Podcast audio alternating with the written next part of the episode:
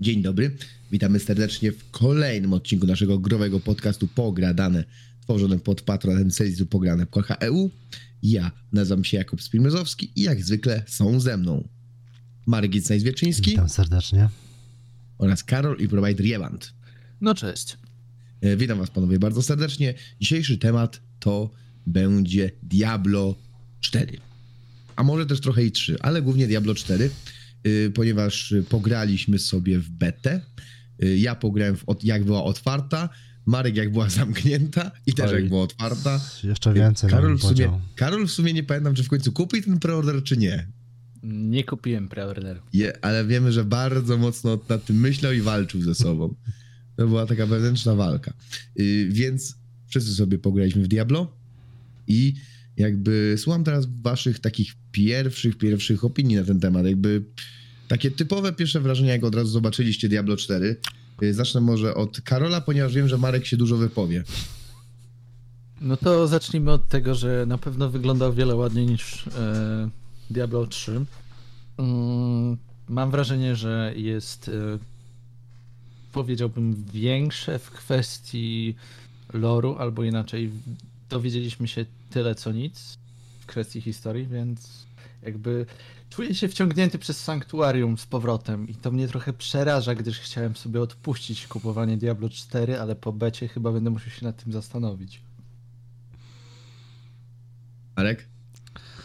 Znaczy, to zależy o, o które pierwsze wrażenia pytasz, bo jeżeli o pierwsze wrażenia w ogóle, czyli BlizzCon, to Nie, wow. nie chodzi mi o blisko. no Chodzi mi wtedy, kiedy, kiedy Czyli beta, czyli za- grę za- na swoim komputerze, bo... To drugie że- pytanie. Czy chodzi ci o wersję betę z endgame'em w listopadzie, październiku, czy o zeszłego tygodnia? Możesz się, mo, możesz się nie wydurniać i powiedzieć, jak ci się grało teraz, teraz warto w betę na swoim komputerze?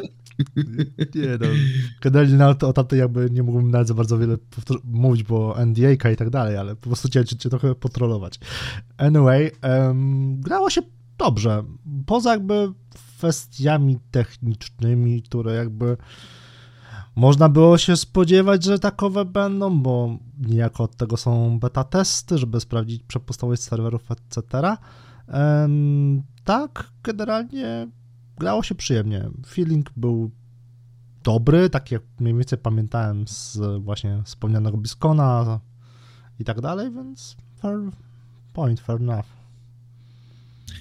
Dobra, znaczy tutaj warto jeszcze zaznaczyć, że pewnie panowie, zgaduję, że grali na y, PC-tach. Znaczy, my, do, chyba, że Marek próbował na PlayStation 5 jeszcze grać. Grałem druidem dzisiaj na PlayStation 5. A, czyli, gra, czyli ten, a ja, ja oczywiście od razu mm, zagrałem na konsoli, wersję Xboxową, ponieważ chciałem też sprawdzić, y, jak wygląda koop. I to jest coś, czego wam zazdroszczę. Słucham? to jest coś, czego PC-towcy mogą wam zazdrościć. O, może tak No, powiem. jakby, jakby okej, ja dla, dla mnie Diablo 3, jeśli ja przeszedłem całe Diablo 3, oczywiście grałem też, grałem też w koopie i bardzo fajnie się grało w Diablo. W koopie dla mnie ta gra jest świetna pod tym względem, więc y, oczywiście to też sprawdziłem, ale takie moje pierwsze wrażenia to y, tutaj można się zaśmiać, bo to jest dla mnie zamroczna gra trochę. jako osoba, która grała tylko w Diablo 3, no to dla mnie to jest zamroczne, słuchajcie. Ja chcę bardziej kolorową grę. Y, Ale nie, naprawdę, jeśli chodzi o klimat, jest świetny. Całość y, robi na mnie ogromne wrażenie, jeśli chodzi o postaci, jeśli chodzi o po prostu o ten feeling, jak zobaczyłem.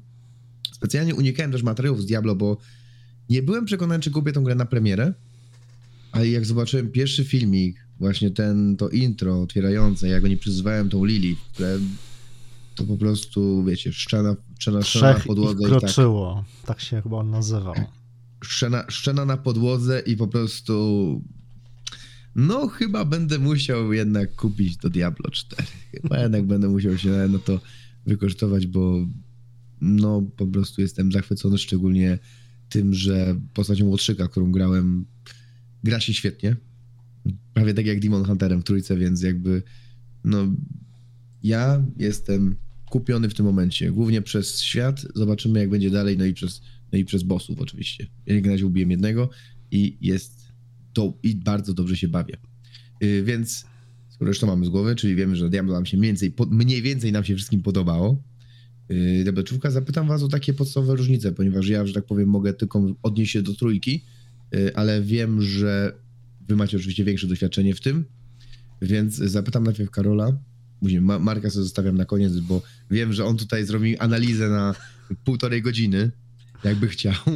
Elaborat, Yy, Polecam, polecam jego tekst na pograne odnośnie Diablo 4, to już to jest po prostu yy, koszmar korektora, bo jest tego tak dużo. Więc yy, Karol, jakieś różnice pomiędzy poprzednimi odsłonami, co cię kupiło, co ci się podobało, co wiesz, takie po prostu na szybko, odgórnie. E, no to jedyna jaka rzecz, która mi chyba przyszła do głowy teraz, jak mnie o to zapytałeś, to mapy. Dla mnie one są czytelniejsze w kwestii czwórki do trójki, w sensie czwarta część ma je bardziej czytelne, co dla mnie, osoby, która nigdy się na mapie odnaleźć nie może, nawet w grze, jest y, zbawieniem.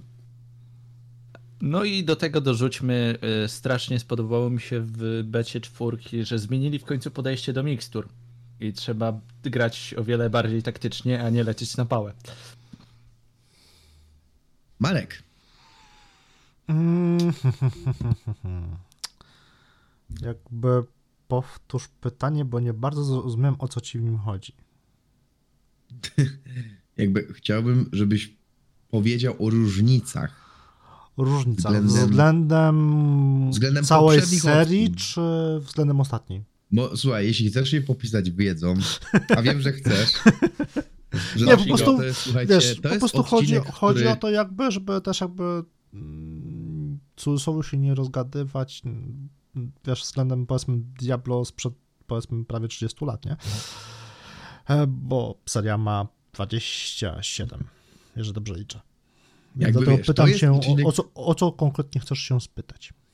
Mniej Wiesz, to jest odcinek, który Jeżeli- ma trochę połaskotać ego, więc, więc że tak powiem, rozumiem, dobrze. połektać twoje ego, bo że tak powiem, jakby każdy wie, że Marek jest tutaj, jeśli Znaczy- chodzi o Diablo i Blizzarda, To może zacznę od tego jakby, że tutaj porównań będę odnosił się głównie do Diablo 2 i Diablo 3, ponieważ one są jakby najbardziej grywalne i nie najwięcej osób powiedzmy gra za sprawą remastera. Bo Diablo 1 no troszeczkę trąci myszką i bardziej jest to sentyment, nostalgia i tak dalej, aniżeli e, ktoś po nie sięga tak po prostu. E, Jeżeli chodzi o różnice względem Diablo mm, dwójki, to nie ma tutaj rozdawania statystyk. Podobnie jak zresztą w Diablo 3 e, już nie było takowych. Tutaj statystyki są przydzielane z automatu i za sprawą jakby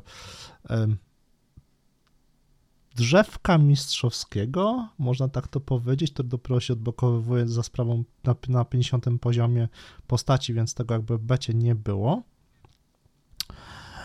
E, Jeżeli chodzi o wspomniane potki, to tutaj jeszcze można to troszeczkę rozwinąć o crafting, że mamy e, e, tworzenie innych mikstur aniżeli powiedzmy potka na HP, potka na manę, e, potka wzmocnienia i tak dalej.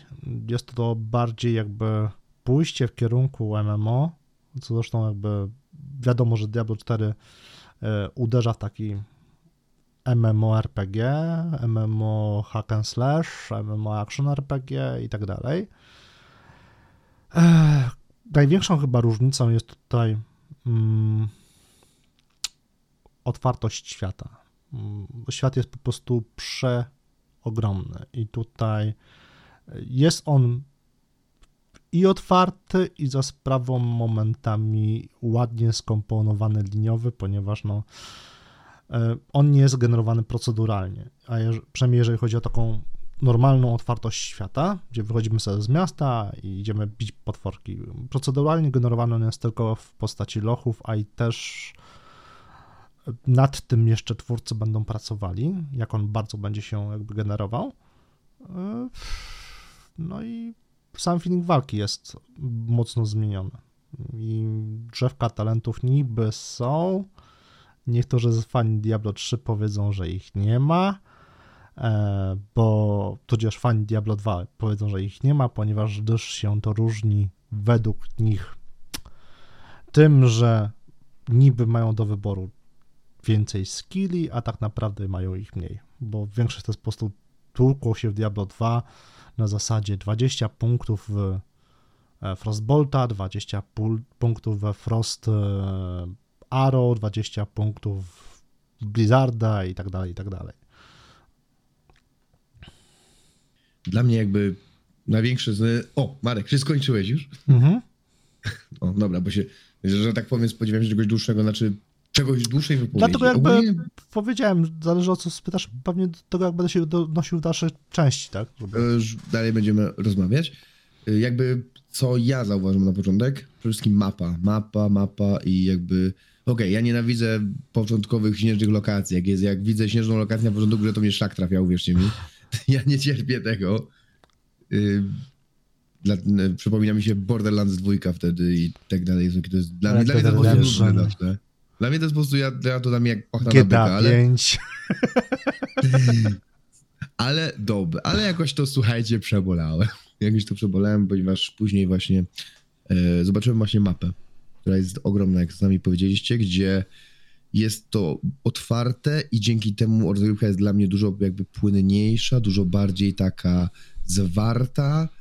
Jest to po prostu dużo bardziej dynamiczne dzięki temu, bo nie widzę powiedzmy tego ekranu ładowania, tak? Że nie przygląda się całkowicie do... Znaczy są one, występują Nie. te ekrany ładowania. Tak? No tak, ja bym ale- powiedział, wiesz co, może to zabrzmi trochę górnolotnie, mm, ale wydaje mi się, że Diablo 4 to jest taki troszeczkę Elden Ring dla serii Diablo. W sensie otwarty świat, zmiany z nim związane, y, mapa taka, jaką mamy, wi- widnie, widnieje ona w otwartym a jeszcze zapomniałem wspomnieć o takiej największej różnicy, która triggeruje i polaryzuje jakby środowisko mm, fanów, to level scaling.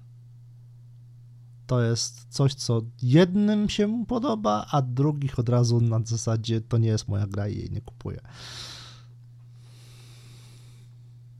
Znaczy, tak, jakby o level, o level scalingu zaraz sobie powiemy, bo dla mnie to jest awantura o nic, ale jakby to będzie dalszy temat. O co mi chodzi? Jakby poza tym, że pamiętając Diablo 3, gdzie wchodząc nawet do głupiej karczmy, widzieliśmy ekran ładowania i tak dalej, krótki, czy tam krótki, czy tam dłuższy, yy, a tutaj właśnie wiecie, otwierają się drzwi, widzimy po prostu tą lokację w środku, jakie to było fajne. Yy, Plus do tego bardzo podoba mi się jakby taki cały, cała walka. Wydaje mi się, że jest dużo bardziej takie, to określić, mięsiste może. Mhm. Może to jest takie właśnie dobre słowo. Jest dużo bardziej mięsiste dla mnie, takie bardziej, wiecie, z taką, bardziej z tą siłą, tak? Bo powiedzmy, jak w trójce grałem właśnie Demon Hunterem, to był tam taki skill, yy, nie pamiętam jego nazwy osobiście, gdzie po prostu, wiecie, strzelało się tymi strzałami jak z karabinu maszynowego, nie? I po prostu... I to było fajne, to było bardzo satysfakcjonujące, ale tutaj jakby jest ten skill, jakby Demon, y, jakby Łotrzyk też ma tego skilla podobnego bardzo i jest ten skill taki, oczywiście jest on na mniejszą skalę, ale jest taki bardziej właśnie mięsisty, taki bardziej wiecie, y, czuć, że to jest właśnie taki skill, a nie jakby podstawowy atak, którego używałem, żeby po prostu jak najszybciej wybić wszystkie potworki. I jest to gra dużo trudniejsza od Diablo 3, co też mi się bardzo podoba, że przynajmniej na to zauważyłem, że jest to jednak dużo trudniejsze. Y, I to jest jakby takich podstawowych rzeczy. Więc y, skoro Marek już wspomniałeś, level scaling. Ja nie widzę z tym żadnego problemu osobiście. Znaczy dla mnie, ja nie odczułem tego w jakikolwiek sposób, bo tak naprawdę wyrażę swoją opinię, kiedy już zagram w pełną wersję, w pełną, w pe, w pełną grę, czy będzie to tak naprawdę przeszkadzać, czy nie. Mm, Ale może odnieść się do tego, jak ten, jaki, to, jaki to może mieć wpływ na całą grę. Jeśli mówimy też o jakimś tam, powiedzmy, czy masz jakąś teorię odnośnie, powiedzmy, jak to może wyglądać w endgame'ie? Wiesz co, w endgame to ci powiem tak, że to jakby... Zacznę od podstaw, że Diablo od zawsze w jakiś sposób miało ten swój, powiedzmy, pseudo level scaling, jeżeli chodzi o e, zasadność tworzenia aktu pierwszego, aktu drugiego i tak dalej, i tak dalej, bo te akty były podzielone od powiedzmy pierwszego levelu do 12, od 12 do 24, 6 był drugi akt, potem to jakby proceduralnie w cudzysłowie rosło i tak aż do poziomu piekła. E, tylko różnica polega na tym, że ludzie wymyślili sobie formułę, zrobię ci taksi i przebustuję cię od poziomu od pierwszego aktu do piątego i będzie, skończysz ten piąty akt na pierwszym poziomie postaci. I wówczas ten level scaling już powiedzmy tak nie zadziała, jak miałby zadziałać w pierwotnym jakby założeniu. E, tego typu sytuacji jakby w Diablo 4 mm, nie będzie, mm, a przynajmniej nie na taką jakby skalę, że przyjdzie sobie pan na 90 levelu i będzie pan mógł w stanie zbustować sobie przyjaciela, który jest na pierwszym poziomie przez całą kampanię.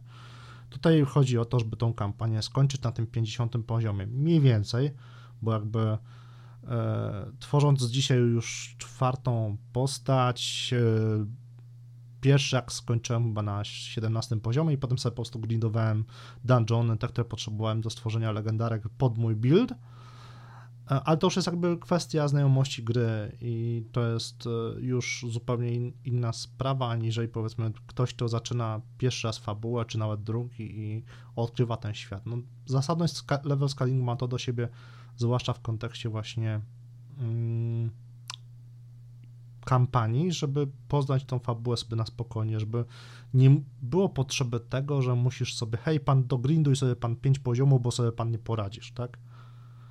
Zabawa się jakby zaczyna na endgame i tam już co zasadne, o ile dobrze pamiętam, to chyba w Assassin's Creed Odyssey albo w którymś z tych nowożytnych, że tak powiem, tutaj mnie Karol może poprawisz, był item scaling, że y, przeciwnicy się skalowali do twojego przed, poziomu przedmiotu, a nie do levelu, trzeba było jakby tam się troszeczkę z tym bardziej cackać. A tutaj mamy to, że jak masz odpowiednie itemy, to te moby tak czy siak one-shotujesz. Pobawisz się troszeczkę, powiedzmy, z 2-3 sekundy z bossami, ale jesteś w stanie one- one-shotować te moby. Jak masz odpowiedni build, w cudzysłowie odpowiedni, bo tych buildów jest chyba nawet do samego druida. Jak tak później sobie pobieżnie szukałem i przeglądałem, to było z 5 buildów pod samego druida jeszcze na samą betę tak naprawdę. Czyli na, wyryw, na mały fragment gry, bo mamy 6 aktów, licząc powiedzmy prolog i epilog jako jeden i 5 normalnych na sam start, a dostaliśmy tylko w becie pierwszy akt. I tutaj jest jakby ból dupy ludzi o to, czego tak naprawdę jeszcze nie doświadczyli. To jest zabawne. Znaczy tak, jeśli chodzi o... Znaczy ja tego level scalingu jeszcze nie odczułem. Jeszcze, jeszcze tego nie odczułem, czy też, że tak powiem, ja osobiście uważam, że level scaling jest spoko. Że mi się to na przykład podoba, szczególnie jakby tutaj mieliśmy bardzo dobry przykład z Skyrimem, tak powiem, gdzie mieliśmy też level scaling. Jakiś, To ja akurat e, podałem Assassin's Creed, a nie Skyrim. Assassin's Creed, znaczy powiem, jeszcze jak powiedziałeś o Assassin's Creed, to mi od razu, ja dostałem flashbacki z Wietnamu na zasadzie y, Origins, czy właśnie Odyssey, gdzie trzeba było ten level po prostu dobijać, żeby Popchnąć fam, dalej. kampanię dalej, nie? Czy No nawet, gry, Nawet nie. Nie, no co wy. Gdzie, czy, czy E- cheezowanie gry na zasadzie, gdzie ty masz piąty level, a gra mówi ci, że no słuchaj, możesz ty zacząć to jak będziesz miał dziesiąty. I baw się i przez pięć leveli jesteś zmuszany do tego, żeby robić misje dodatkowe, żeby latać po tym świecie, żeby po prostu zrobić sobie jedną misję fabularną. I teraz ja ci powiem jedną magiczną sztuczkę, y, która pomogła mi w, tak naprawdę biec przez fabułę na powiedzmy wariata, bo trzeba było napisać recenzję. E, Ale mówisz Odyssey, czy Valhalla, czy Origins? o wszystkim. Bo, Yy, czekaj. Dlatego ja- jakby, dlatego podałem jakby przykład, dlatego podałem właśnie Nie, nie, przykład nie. Assassin's Creed'a, bo jak ja jestem powiedzmy znawcą Diablo i w ogóle gier około Blizzardowych, tak e, Karol jest specem od Assassin's Creed'a i jak ja się o coś pomylę, to Karol będzie mógł mnie spunktować. znaczy nie, to Albo nie to, nie przynajmniej naprowadzić, co można było zrobić inaczej, nie? E, znaczy tak, z Assassin's Creedem było tak, faktycznie były te e, poziomy, faktycznie trzeba było troszeczkę się momentami namęczyć, e, żeby ruszyć coś dalej, ale trik polegał na tym, że szło się dosłownie na skrytobójcę, robiłaś jak najmocniej ukryte ostrze i co? I zabójstwo ukrytym ostrzem, quest W zaliczony. której pyk. części? Bo we przypominam. wszystkich trzech. Nie, we wszystkich nie, trzech. ja się teraz będę z tobą kłócił. W Origins I w, Odys- w Odyssey w ogóle nie ma ukrytego ostrza, mój drogi, a w Origins ukryte ostrze zadawało obrażenia. Dopiero w Valhalla wprowadzili skilla, skilla, zaznaczam ci, który pozwalał ci one-shotować wrogów ze skrytobójstwa. I ja się o to będę kłócił, bo ja to pamiętam, że ja to zawsze wypominałem tej, właśnie tym trzem odsłonom. E, Dobra, mogłem się pomylić co do e, Odyssey, ale e, z Valhalla też się, da, te, też się dało zro, zrobić tak, że mogłeś bić mopki e, na wyższym od siebie poziomie, tylko trzeba było być e, sprytnym w tym sensie, że jak cię atakował, a ty byłeś na jakiejś tej górze, to wystarczyło go zepchnąć z tej góry. AKA Souls. Ale to jest Nie. cheezowanie. W tym momencie wchodzimy w cheezowanie. No tak, to jest, to jest. Jakby idea ukrytego ostrza, jakby które zadawało obrażenia. O, słuchajcie, lewe, gada, gadka o lewej scalingu w przypadku Diablo jest tak jak gadanie właśnie o ukrytym ostrzu w Origins, gdzie ukryte ostrze zadawało obrażenia, a nie zabijało, a nie było instant killem. Które powinno No. być instant killem. Mm. Tylko wiesz, Ubisoft zaczął się chyba bawić tą formą e, odbiegania e, asasyna od asasyna, więc No tutaj- tak, jakby, no i tak samo można powiedzieć zepsuli właśnie, to trochę. tak samo można powiedzieć, że właśnie mm, Diablo odchodzi troszeczkę od serii Diablo, bo nawet nie mamy Diablo jako e, villaina, tylko Lilith, tak. E, oczywiście może się pojawić Diablo sam w sobie jakby w dalszym rozwoju gry, w sensie nie mówię o podstawce, tylko powiedzmy jakiś dodatek, ale no jakby to też jest zarzut pewnej części społeczności, że gdyby nie to, że e, Diablo 4 ma taką, a nie inną nazwę, to może gra by się aż tak bardzo nie przyjęła, tak? Jest to oczywiście trochę ziarno w tym prawdy jest, ale aż tak bardzo, no jest to postać z uniwersum Diablo, więc to nie jest powiedzmy e, jakiś powiedzmy mietek z Podlasia, który się pojawia z czapy i jest villainem, nie? Czyli chciałbyś, żeby zamiast Diablo 4 gra nazywała się Lilith. Znaczy nie, mi jako, wiesz co, to nie przeszkadza, bo jak powiedziałem, dla mnie to, to jest Diablo od powiedzmy dwójki, gdzie wyszedł bodajże patch 1.12b, wprowadziło coś takiego jak Uber Tristram i tam walczymy notabene z Lilith, walczymy z innymi jeszcze postaciami. Oczywiście wówczas Lilith ma reskin e, Andariel na zielono po prostu, ale no nazwę ma Lilith, tak, ma jakieś tam mm, specjalne obrażenia i tak dalej. E, Więc no, jest ona w Sanktuarium, jest to, jest ona również chyba bodajże w trylogii Wojny Grzechów, tak a propos tego, co się mnie pytałeś, e, Karol, na Messengerze, więc jakby jest troszeczkę ona uzasadniona i moim zdaniem o wiele fajniej wpływa e, zrobienie nowego villaina, a przynajmniej na takiego pierwszego shota, aniżeli po raz czwarty bijemy tego samego bossa, który nawet skillami się między dwójką a trójką nie różnił.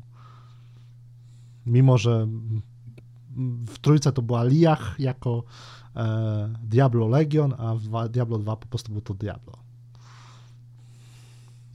Odnośnie bicia tego samego bossa przez kilka gier, ja ci mogę... Chcesz wiedzieć, ile razy się bije Sefirota? W finalu fi, Final Fantasy? myślam się, no ale jakby no... Powiedzmy, że to Sephiroth to są JRPG. tak, i 20, i 20 możliwych y, oczywiście faz bossa, tak? Bo i końcowy boss to jest 2-3 godziny gry, bo ma 40 faz i jeszcze musisz zobaczyć potem dwugodzinny film, jak on w ogóle płacze i jak to się stało. Dobra. Cieszę się, że Diablo nie, nie jest JRPG-iem. Chociaż? Y, Zapytam was teraz o... Bo tak, ja, ja przynajmniej miałem do czynienia z dwoma klasami, czyli z Nekromantą i z Łotrzykiem. Z, wiem, że Marek to chyba wszystkie klasy już zrobił. Karol, Też wszystko poleciało. no to słucham was. Na, jakie są wasze pierwsze wrażenia albo wasze pierwsze zdanie odnośnie klas postaci, która może być najbardziej fajniejsza, która może być naj, najsłabsza, a którą, którą polecacie dla początkujących? Po prostu, no, wasza ulubiona, o. Wasza obecnie ulubiona, która będzie, powiedzmy, jak gra, wyjdzie gra, będzie waszym takim mainem, o. Chyba to jest dobre określenie. Karol, Jeżeli się zdecyduje na kupienie Diablo 4, co jest jeszcze decydowane, to prawdopodobnie moim mainem będzie druid. To mnie zaskoczyłeś, bo o ile pamiętam, miałeś bardzo chętkę na e, właśnie Roga za na bliskość do Demolandera. E, tak, tak, oczywiście, bo moim mainem, kiedy y, straciłem dostęp do pierwszego konta Battle.netu był Demon Hunter, więc y, uznajmy to za e, sentyment. Ale druid będzie moim mainem z tego powodu, gdyż e, nim grałem najmniej i jestem tej postaci najbardziej ciekaw, gdyż po prostu pozostałe klasy gdzieś tam przerobiłem na Diablo 2, Diablo 3, więc coś nowego. Po prostu. Znaczy ja, jeżeli chodzi o betę, to mm, mam mały zarzut do Blizzarda odnośnie nomen omen właśnie między innymi druida, mm, barbarzyńcy, e, że nie dało się go w pełni przetestować takich podstaw, bo są to dwie klasy, które jako jedyne mają chain questa klasowego dopiero jakby w późniejszym etapie gry, powyżej tam pierwszego aktu, więc siłą rzeczy, jak chce się go zrobić, to hmm, panie, zawróć się albo cię deportujemy, nie? znaczy się teleportujemy. No tak. E, I to troszeczkę mogliby zrobić tak, żeby tego NPC na czas bety jakby umiejscowić jakby w pierwszym akcie, Mm, żeby sobie ludzie właśnie zobaczyli powiedzmy takie same możliwości, jak mają inne klasy. Tutaj Jardzieka ma ulepszanie swoich speli, Łotrzyk ma specjalizację, Nekromanta ma golema i tak dalej, i tak dalej. I to moim zdaniem było troszeczkę nietrafionym zabiegiem przez Blizzarda, bo ja oczywiście sobie mogłem to przetestować jakby e, w październiku, listopadzie, więc e, no ja jakby mam tę perspektywę tych możliwości, ale no wy jako gracze, którzy takiej możliwości nie mieli, no to byliście troszeczkę e, osamotnieni. Znaczy Marek, ja też miałem tę piękną możliwość, więc... No okej, okay, jakby no.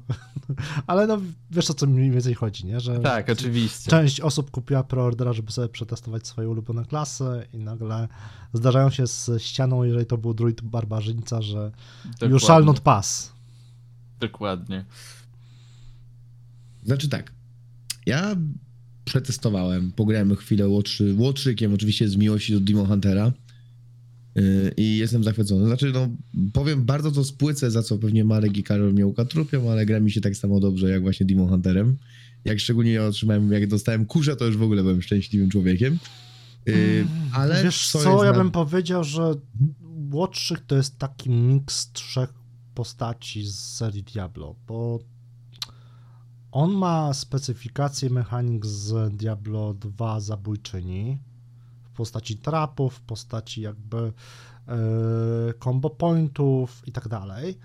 E, w postaci mm, łuku kuszy ma e, ten, ma właśnie Demon Hunterowe viability i jeszcze mamy postać Mele, takiego wiesz, skrytobójcy z sztyletami, co też niejako do zabójczy, zabójczyń pasuje, a z Amazonki mamy właśnie te obrażenia z kuszy i łuku, nie? To jest właśnie coś, co mi się bardzo spodobało, że mogę jednocześnie, że mam ataki dostosowujące do ataków yy, yy, mele, czyli mogę bić mieczem, powiedzmy, mhm. i mogę też używać łuku, co mi się bardzo spodobało, bo powiedzmy... To druid też może ci się spodobać.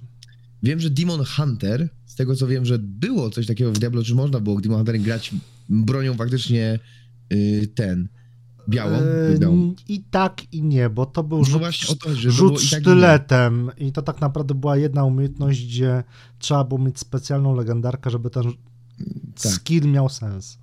A tutaj, a tutaj właśnie mogę mieć wybór, że powiedzmy mogę walić na, walić na dystans, a powiedzmy jak podejdą, to mogę ich za, zarąbać ze strzeletów, co mi się bardzo zresztą podobało. To jakby ta wolność wyboru, to, że mogę coś takiego zrobić, i to jest bardzo fajne. W przypadku Nekromanty, co pierwsze zauważyłem, co mi się też bardzo spodobało, To jest specjalny przycisk, który pozwala robić, który pozwala przyzywać sobie szkielety. Znaczy, które ze zwłok przyzywa ci po prostu szkielet. To mi się Mhm. bardzo spodobało, bo nie pamiętam, żeby to w trójce było. y, Od, od samego początku. One się pojawiały w trójce z automatów, w jedynce, Tak. w, dwój- w dwójce jakby je sumonowałeś. Jakby Tutaj jest ta różnica między Mhm. dwójką a czwórką, że w dwójce miałeś osobne mm, przywołanie na każdego z, że tak powiem, petów. Mm, Kościotrup mak, kościotrup jakby z mieczykiem, golem, ożywieńcy i tak dalej. A tutaj jakby masz wszystkie szk- szkielety, jakby to powiedzieć, w jednym e, skillu. No, tylko ja jestem tylko ciekaw, to możecie mi jakby od razu powiedzieć, czy liczba tych szkieletów będzie się zwiększać? Za sprawą przedmiotów, tak. W sensie Czyli za legendarek. taką przedmiot będzie można mieć, można będzie sobie chodzić z taką fajną armią. No, Pie, wiesz dokładnie. co, w becie tej, co teraz była, biegałem z pięcioma zwykłymi, z pięcioma magi, magami i z golemem. Czyli tak Ale to 10. wszystko łączy, że miałeś 11 osób za- ze sobą, czy Tak. pięciu takich, Tak. pięciu tak? Ty, ko, kozacko, chyba będę musiał sobie... No mini armię sobie robisz No typowo, i to, mi tak się naprawdę. jakby, to mi się jakby w nekromancie podoba, jakby, yy, że można sobie właśnie stworzyć taką armię i mnie do jara, takie wiecie, chodzę z taką armią, która po prostu, wiecie, ty sobie gdzieś stoisz z tyłu, a nie wszyscy ci ciłają bossa, nie? To jest genialne, genialna sprawa po prostu. Ja to uwielbiam w tej, yy, w tej, yy, w tej postaci. Czyli, czyli dobra, już mniej więcej wiemy, jakimi postaciami wam się najfajniej grało. Znaczy, ja jak- będę prawdopodobnie grać Wizardem, bo to jednak Wizardem. jest mobilność, teleportacja robi jak zawsze wielką robotę. I tutaj myślę, że się Karol może zgodzić. Mm. To Teraz was zapytam, ja oczywiście nie mogę się jakby wypowiadać, bo nie grałem wszystkimi klasami, ale zapytam was o najgłupszą czy naj, najgorszą klasę. I powiedzcie mi, czemu to jest barbarzyńca. Znaczy, barbarzyńca ma jakby momenty, w których bryluje, ale no niestety w early game, z racji na to, że to jest postać nastawiona stricte na obrażenia na podstawie broni, więc jak masz słabe bronie, no to ten damage będzie bardzo mm, słaby. Nie masz jakby takiego przełożenia, bo u barbarzyńcy fajny jest ten element z arsenałem, fajny jest element z mistrzostwem broni, które się wbija niejako jak w Skyrimie, tudzież e, w Oblivione, że używając dany rodzaj orężu, wbijasz automatycznie jakby specjalizację, ale to dalej musisz mieć te bronie.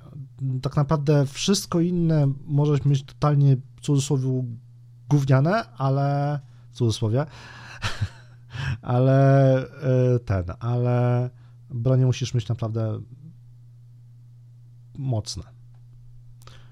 I to tak naprawdę zdobywasz, powiedzmy, to się zmieniło na przestrzeni Closed Bety z zeszłego tygodnia, jak i na przestrzeni tej, co była teraz, że tego barbarzyńcy troszeczkę stoningowali, ale jakby ja feelingu mam dalej taki sam, jaki miałem, bo po prostu to jest za mały, to co powiedziałem, brakuje tego questa, który by troszeczkę zmienił tą mechanikę i dał możli- więcej możliwości. Bo na endgame to barbarzyńca potrafi nawet 4-5 osób w PvP rozpierdolić jak chce. No, to jest przypadek barbarzyńcy, który Pod po młotek. prostu- No, trzeba go dobrze zrobić i wtedy się zaczyna zabawa tak naprawdę. Tak samo jak się mówiło, że w Diablo 3, jak już zrobisz 70 na sezonie, e, to dopiero zaczyna się zabawa, bo wbijasz mistrzowskie. Zapytam was teraz, znaczy jeśli Karol już skończył, zapytam o jakby dwie rzeczy, które tak mi się, bo powiem szczerze, szukałem sobie trochę takich dram związanych z Diablo 4. bo Było ich trochę. Było ich trochę i znaczy tutaj sobie, nie chcę też za bardzo tutaj, że tak powiem, wyrzucać z tego, wyrzucać tak szamba i y, Do it if you want. Żeby, żeby Marek te, te wszystkie, nie, no, to nie są moje zarzuty, bo po prostu... aż- Znaczy nie, możemy jakby omówić część znam. tych zarzutów, bo to jest Taki, też... jest, taki mam właśnie e, plan, żeby Marek dla odmiany, wiecie, spunktował e, wszystkich, wszystkich ludzi dookoła. o co mi chodzi? Y, Mianowicie właśnie o wspomnianym nekromancie. O wspomnianym nekromancie, Mhm. czyli dwa zarzuty, jakie przeczytałem sobie, czyli to, że jest OP, że na pewno, że znerfią go niesamowicie y, przez szkielety i klątwy przez możliwość używania tych dwóch rzeczy oraz, że y, drugi dużo zarzut, który mnie bardzo, bardzo mnie śmieszy, y, czyli fakt, że y, szkielety są zbyt kolorowe. Że nie pasują do mrocznego Diablo. Znaczy, jeżeli chodzi o Necromanta OP, to on ma podobny trochę case co e, Barbarzyńca, tudzież Druid. Ono, co prawda, ma tego questa na 25 poziomie, gdzie otrzymujemy golema, ale to nie jest wówczas tak, że ten Necromanta jest mocny za sprawą szkieletów i jakby mm, klątw, bo możesz zrobić sobie build na wybuch zwłok i praktycznie masz perpetuum mobile, bo e, falą krwi sobie generujesz zwłoki, a gdzie zużywanie zwłok ci daje esencję, a e, wybuchem właśnie rozwalasz te zwłoki. I masz praktycznie perpetuum mobile. No, masz zwłoki do wybuchania i masz ogromny damage z fali krwi. Jeszcze się dodatkowo leczysz. Karol, No co, no Nekromanta, tak jak Marek powiedział, no jak się go dobrze zrobi, to ponownie e, jest sytuacja, gdzie mamy mopki, które biją za ciebie, a z drugiej strony jak sobie zrobimy dobry build, to możemy tak naprawdę e, bawić się w małego Una Bombera, tylko że zamiast bomb będziemy mieli zwłoki, więc tu ciężko mi się wypowiedzieć, czy on jest tak naprawdę OP, czy nie, bo wszystko zależy od tego, jak kto nim lubi grać. A co do kolorowych szkieletów, no to mam takie, czy ludzie naprawdę nie mają się do czego przywalać? Jakoś się trzeba Podoba- odróżnić, nie? Podoba mi się jakby post na Twitterku e, Smurfetki. Kto wie, ten wie. który, gdzie Sumi napisała coś takiego, że jeżeli wam się nie podoba kolorystyka, to możecie sobie zmienić gradient na sefie i tak dalej. Macie wówczas mroczno, tak? Co- Coś w tym głosie, nie do, końca jakby e, parafrazowałem jej wpis, ale mniej więcej chodzi o sens, żeby jak wam coś się nie podoba, to możecie po prostu sobie zredukować kolory w, w tym, w grze, tak? I Znaczy, to jest właśnie kolory są. kolejny. To będzie kolejna rzecz, o której mówimy, jakby właśnie odnośnie, czy o co jakby. Okej, jakby krótka, krótka historia, którą każdy zna, bo ja lubię ją bardzo powtarzać. O, dobra, nie, znalazłem ten nawet wpis, No. go nawet zacytuję. Jak ci przeszkadza człowieku tak bardzo, że Diablo 4 jest kolorowe, to A. Nie graj. B. Załóż sobie okulary przeciwsłoneczne do grania. C. Ogarnij monochrom, e, monochrom na PC. D. Wróć do jedynki z 96 roku. Ja się po tym totalnie kurwa podpisuję. Ja też. I oczywiście pozdrawiam Więc z jakby- Sony. ja chcę dalej pociągnąć ten temat, bo ja lubię dramy. I mówiąc tutaj krótką historię, czyli to, że grałem tylko w Diablo 3, które dla mnie jest. y, Znaczy, już powiedziałem tutaj na podcaście no, dzisiaj, że znając Diablo 3, które dla mnie w ogóle nie było, które dla mnie było fajną grą pod względem oczywiście designu i tak dalej, wyglądu, wyglądał bardzo Diablo 3 mi się podobało. Nie uważam, że jest jakieś przekoloryzowane, chociaż fajnie się chodziło w złotej zbroi, czy tam z całej białej, wiadomo, bo Assassin XD. Yy, o co mi chodziło? Yy, to, że teraz właśnie w przypadku Diablo 4 i przy każdej w sumie odsłonie tak było, że bo to jest znowu zbyt kolorowe, bo to jest takie i ja tak mam pytanie, skąd się to bierze? Bo na przykład mi, znaczy jak się tak nabiłem do Marka, yy, z czego Marek się też zaczął śmiać, że e, to Diablo 4 jest, co ono takie mroczne, ja chcę znowu moje kolorowe Diablo 3. Yy, jak się nabijałem z tego i teraz zapytam was, a znaczy zapytam Marka, skąd się to bierze? Bo dla mnie to jest fascynujące. Skąd się bierze to, że każdy, każde nowe Diablo jest zbyt kolorowe? No wiesz co, tutaj tak naprawdę chyba trzeba, no co napisała, po prostu spojrzeć jak wyglądało Diablo 1, które faktycznie było w chuj mroczne, ciemne i tak dalej, ale to nie była kwestia jakby mm,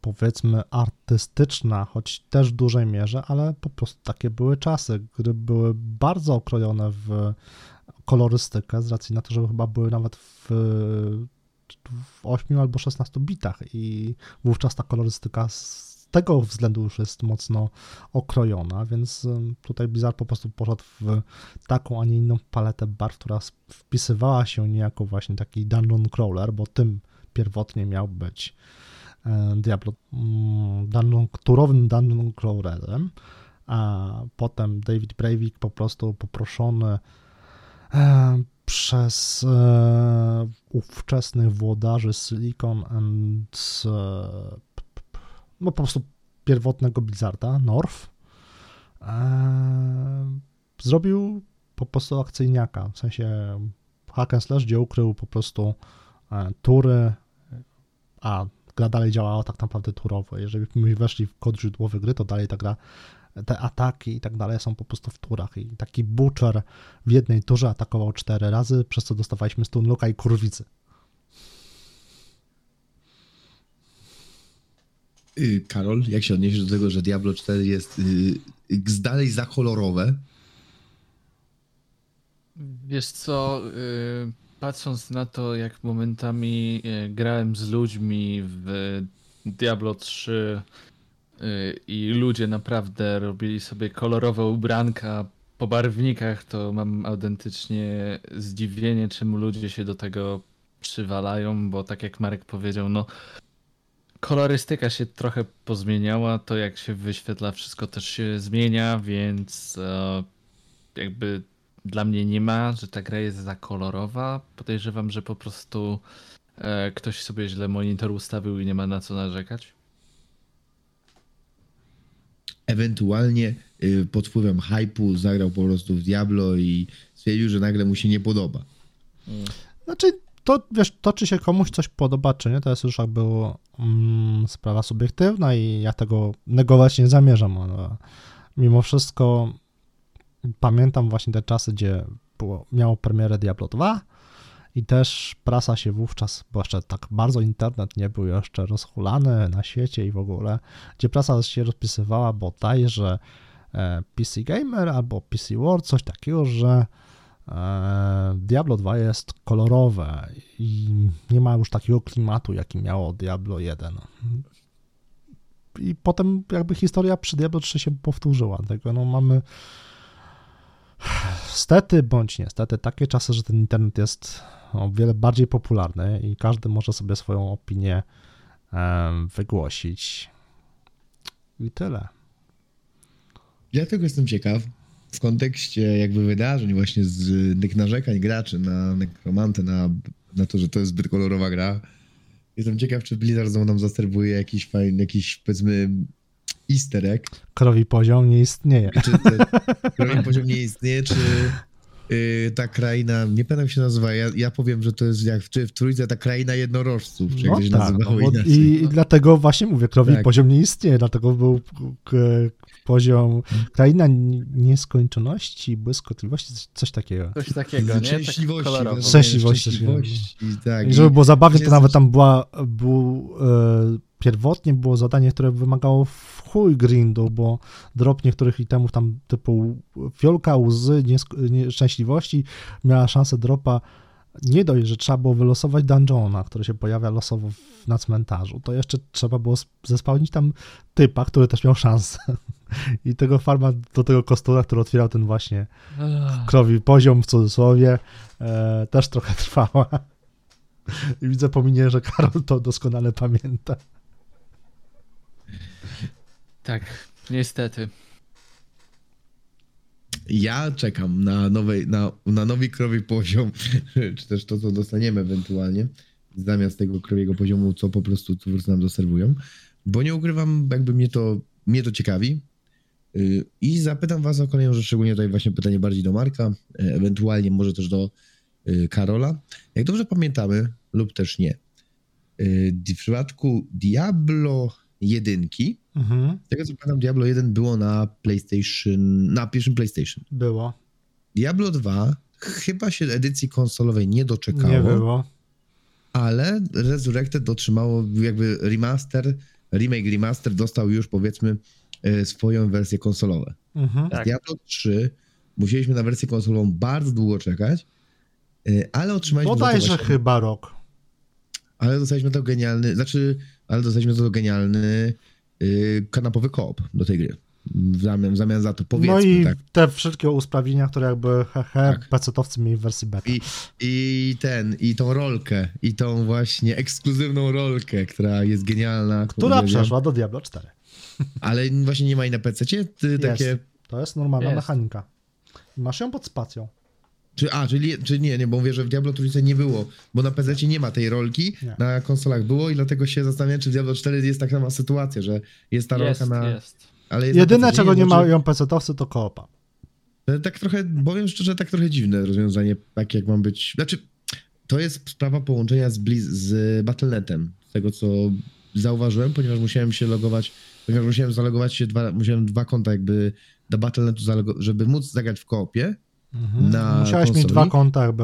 musiałem mieć dwa konta na Battle.necie. I jakby tutaj rozumiem tą ideę z tego powodu, że y, faktycznie no ciężko byłoby dwa razy mi się zalogować, znaczy może by to jakoś zrobili, że dwa razy się musisz zalogować na... Mm, Pamiętaj, że jakby Diablo 3 na konsolach miało e, tryb offline. Tutaj takowej możliwości nie masz. Ale w ogóle to nie ma offline'a? Znaczy, No to jest, to jest MMORPG. Takie, może inaczej, RPG to jest za duże słowo. MMO hack and slash. Tak jak Lost Ark bodajże. Bądź Lost, Lost Epoch. Czyli po prostu, czyli jakby po prostu jest ta opcja koopa wspólnego, ale To no, dalej możecie trafić na losowych graczy, dalej no, macie wiem, content akurat jakby wiem. MMO. to akurat wiem, po prostu jakby jestem ciekaw, czy po prostu dałoby się, czy nie dałoby się na przykład dać koopa na PC-ta, albo, znaczy tutaj takie jest Znaczy, jakby wiesz co, no. PC-towcy chyba mimo wszystko grają na klawiaturze plus myszce, tak mi się wydaje. Po prostu takowy koop by troszeczkę nie miał i- sensu, no, bo, no i poza tym masz... Za, powiedzmy, nie? tak, i poza tym masz jeszcze taką sytuację, że jednak na telewizorze ten koop na konsoli jest nieco bardziej wyraźny, masz nieco większe pole widzenia, e, na zasadzie po prostu większy ekran i tak dalej, nie? A na monitorze grać dwie osoby, takim powiedzmy Full HD 24 cale byłoby troszeczkę e, upierdliwe, nie? No to, że jakby kto, kto, kto co woli, tutaj możemy powspominać stare czasy, jak to się grało, jak to się różnie grało, słuchajcie, na jednej klawiaturze, nawet w gry, w gry koopowe, ale y, o co mi chodzi? Y, głównie, bo- głównie właśnie pytanie też znowu do Marka, no jednak Marek grał też na konsoli, grał na PC-cie. Y, Jak, y, czy zauważasz jakieś różnice, powiedzmy, y, tego, że gra jest od razu tworzona na konsolach? Że tak powiem, czy... y, tak powiem, Interfejs to takie coś, co pierwsze się rzuca w oczy. Wyrzuć, wyrzuć swojego wewnętrznego, y, jak to, y, wyrzuć swojego wewnętrznego hejtera konsol teraz na, na wierzch i powiedz, jak to Diablo 4 jest casualowe i jak to źle, Znaczy, jest... powiem ci, że mi się chujowo grało na padzie, w sensie ciężko mi było się przestawić, no bo jakby e, było tak, że skille te pasku od jednego do czterech. Masz na powiedzmy trójkąt, kwadrat, kółko i tak dalej, basically. E, i zamiast lewego, prawego przycisku masz powiedzmy ten L1, R1 podka dash R2, R2 to jeszcze powiedzmy było spoko, ale jako, że ja nie lubię się bawić w konfigurowanie e, ustawień klawiszy na padzie, no to ta, ten konfig jest chujowy. Dwa klawisze do ataku na mm, X i kwadrat, e, przeskok na kółku, na trójkącie atak z w cudzysłowie jedynki i tak dalej, i tak dalej. To takie troszeczkę było dla mnie ciężkie do przedstawienia się. Ale interfejs sam w sobie. Na PC grałem z takim interfejsem powiedzmy e, konsolowym, gdzie podka życia, w sensie kule życia, source'ów i skill passy tak jest po w lewym dolnym rogu i było całkiem ok na przykład, nie? jeżeli chodzi o Hi- Hiuda. Więc, znaczy, powiem tak. Zanim oczywiście Karol się wypowie, bo Karol będzie grał tylko Znaczy, na PC-cie. Powiem tak, jeszcze dokończąc jakby. No, no. Jak ktoś jest przyzwyczajony do grania na konsoli z Diablo 3, to pewnie się o wiele lepiej odnalazł ode mnie, gdzie ja grałem tylko na PC. I to pewnie w dużej mierze zawsze jest tego typu po prostu kwestia. Osoby przyzwyczajone do danego modelu sterowania będą po prostu preferowały ten model. Znaczy, co mnie z, bardzo zdenerwowało w Diablo 4, jeśli chodzi o, yy, o właśnie granie na padzie. Oczywiście sterowanie jest bardzo podobne do tego z, do tego z Diablo 3.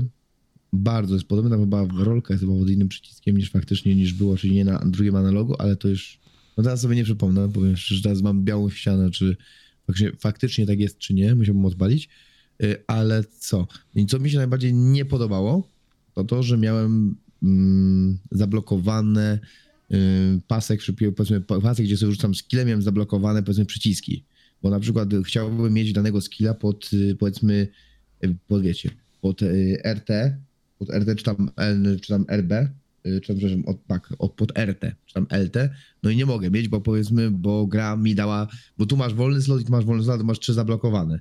Wiadomo, że z czasem, że z czasem to się, yy, yy, to by się, oczywiście ten problem by znikł, bo z miarę z wzrostu poziomu oczywiście odblokowały mi się kolejne skille i tak dalej, mógłbym sobie wrzucić gdzie chcę, ale jednak na początku mnie to strasznie zirytowało, że tylko opieram się na przyciskach A i B, tak? A nie mogę sobie od początku ustawić, że powiedzmy wygodnie mi zawsze jest na przykład grać pod, jak grałem na przykład Diablo 3, to bardzo wygodnie miałem, był jeden skill właśnie pod y, RT, a na przykład drugi miałem pod, drugi miałem pod A. I to było dla mnie takie dwa, których najbardziej, najczęściej używałem i to było dla mnie na przykład naj, najbardziej wygodne. Tutaj musiałem się jednak przedstawić trochę. I to jest taki mały zgrzyt, który powiedzmy jest takim robieniem trochę problemu tam, gdzie go nie ma. A teraz mam Karola. No ja tak myślę o tych skillach, o których ty powiedziałeś i o play na bodajże PC w pewnym momencie można te skille ustawiać sobie dowolnie, przynajmniej w Diablo 3. W Diablo 4 w sumie też mogliśmy sobie ustawić je tak jak chcieliśmy na PC, tylko trzeba było po prostu je sobie poukładać. E, co do konsoli, no to się nie wypowiem, bo grałem za krótko, więc podejrzewam, że jeśli tutaj yy, poszli po rozum do głowy, to podejrzewam, że yy, ta możliwość układania skilli będzie po prostu w miarę progresu gry dostępniejsza, chociaż nie wiem, czy w tym wypadku będzie to y, możliwość aż takiego dostosowania, tak jak na PC w przypadku trójki, czy na konsoli w przypadku trójki, o którym wspominałeś, więc no, trzeba poczekać, bo może po prostu tego nie było, bo e, beta była po prostu ograniczona skillowo i tyle. No znaczy, tak, trzeba pamiętać też o tym, że mm, to, co my graliśmy, to nie był build powiedzmy sprzed dwóch tygodni czy trzech. To był build z okolicy grudnia, końcówki listopada więc pewne jakby elementy e, gry mogły być jeszcze nie zaimplementowane. Jeszcze takie dwie rzeczy w, wspomnę jakby, które jakby, jakby są na plus. Jedna, jeden na plus. Mianowicie w końcu, powiedzmy, że jak grałem na Switchu, na Nintendo Switchu graliśmy w koopie, to sytuacja, sytuacja była taka, że nie można było jednocześnie dwóch, y, dwie postaci nie mogły jednocześnie wejść do menu. Nie mogły sobie zmienić, y, zmienić powiedzmy zbroi i tak dalej. Najpierw musiał zrobić to jeden, potem musiał zrobić to drugi. W przypadku Diablo 4 jest to poprawione, że powiedzmy każdy z nas może sobie wejść niezależnie do swojego menu i sobie tam postawić zdolności, postawić sobie wszystkiego zbroje i to mi się bardzo podoba, to jest coś, co po prostu, wiecie, jest takim, jest game changerem po prostu świetnym, tak?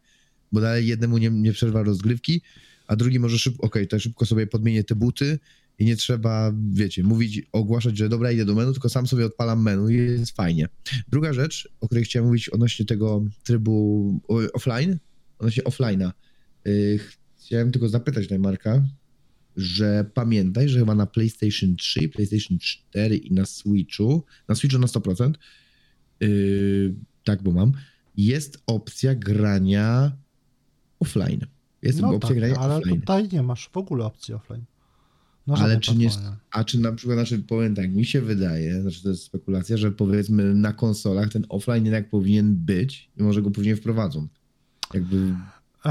Pamiętaj, że ta gra jest troszeczkę oparta o event e, w postaci world bossów, w postaci jakby e,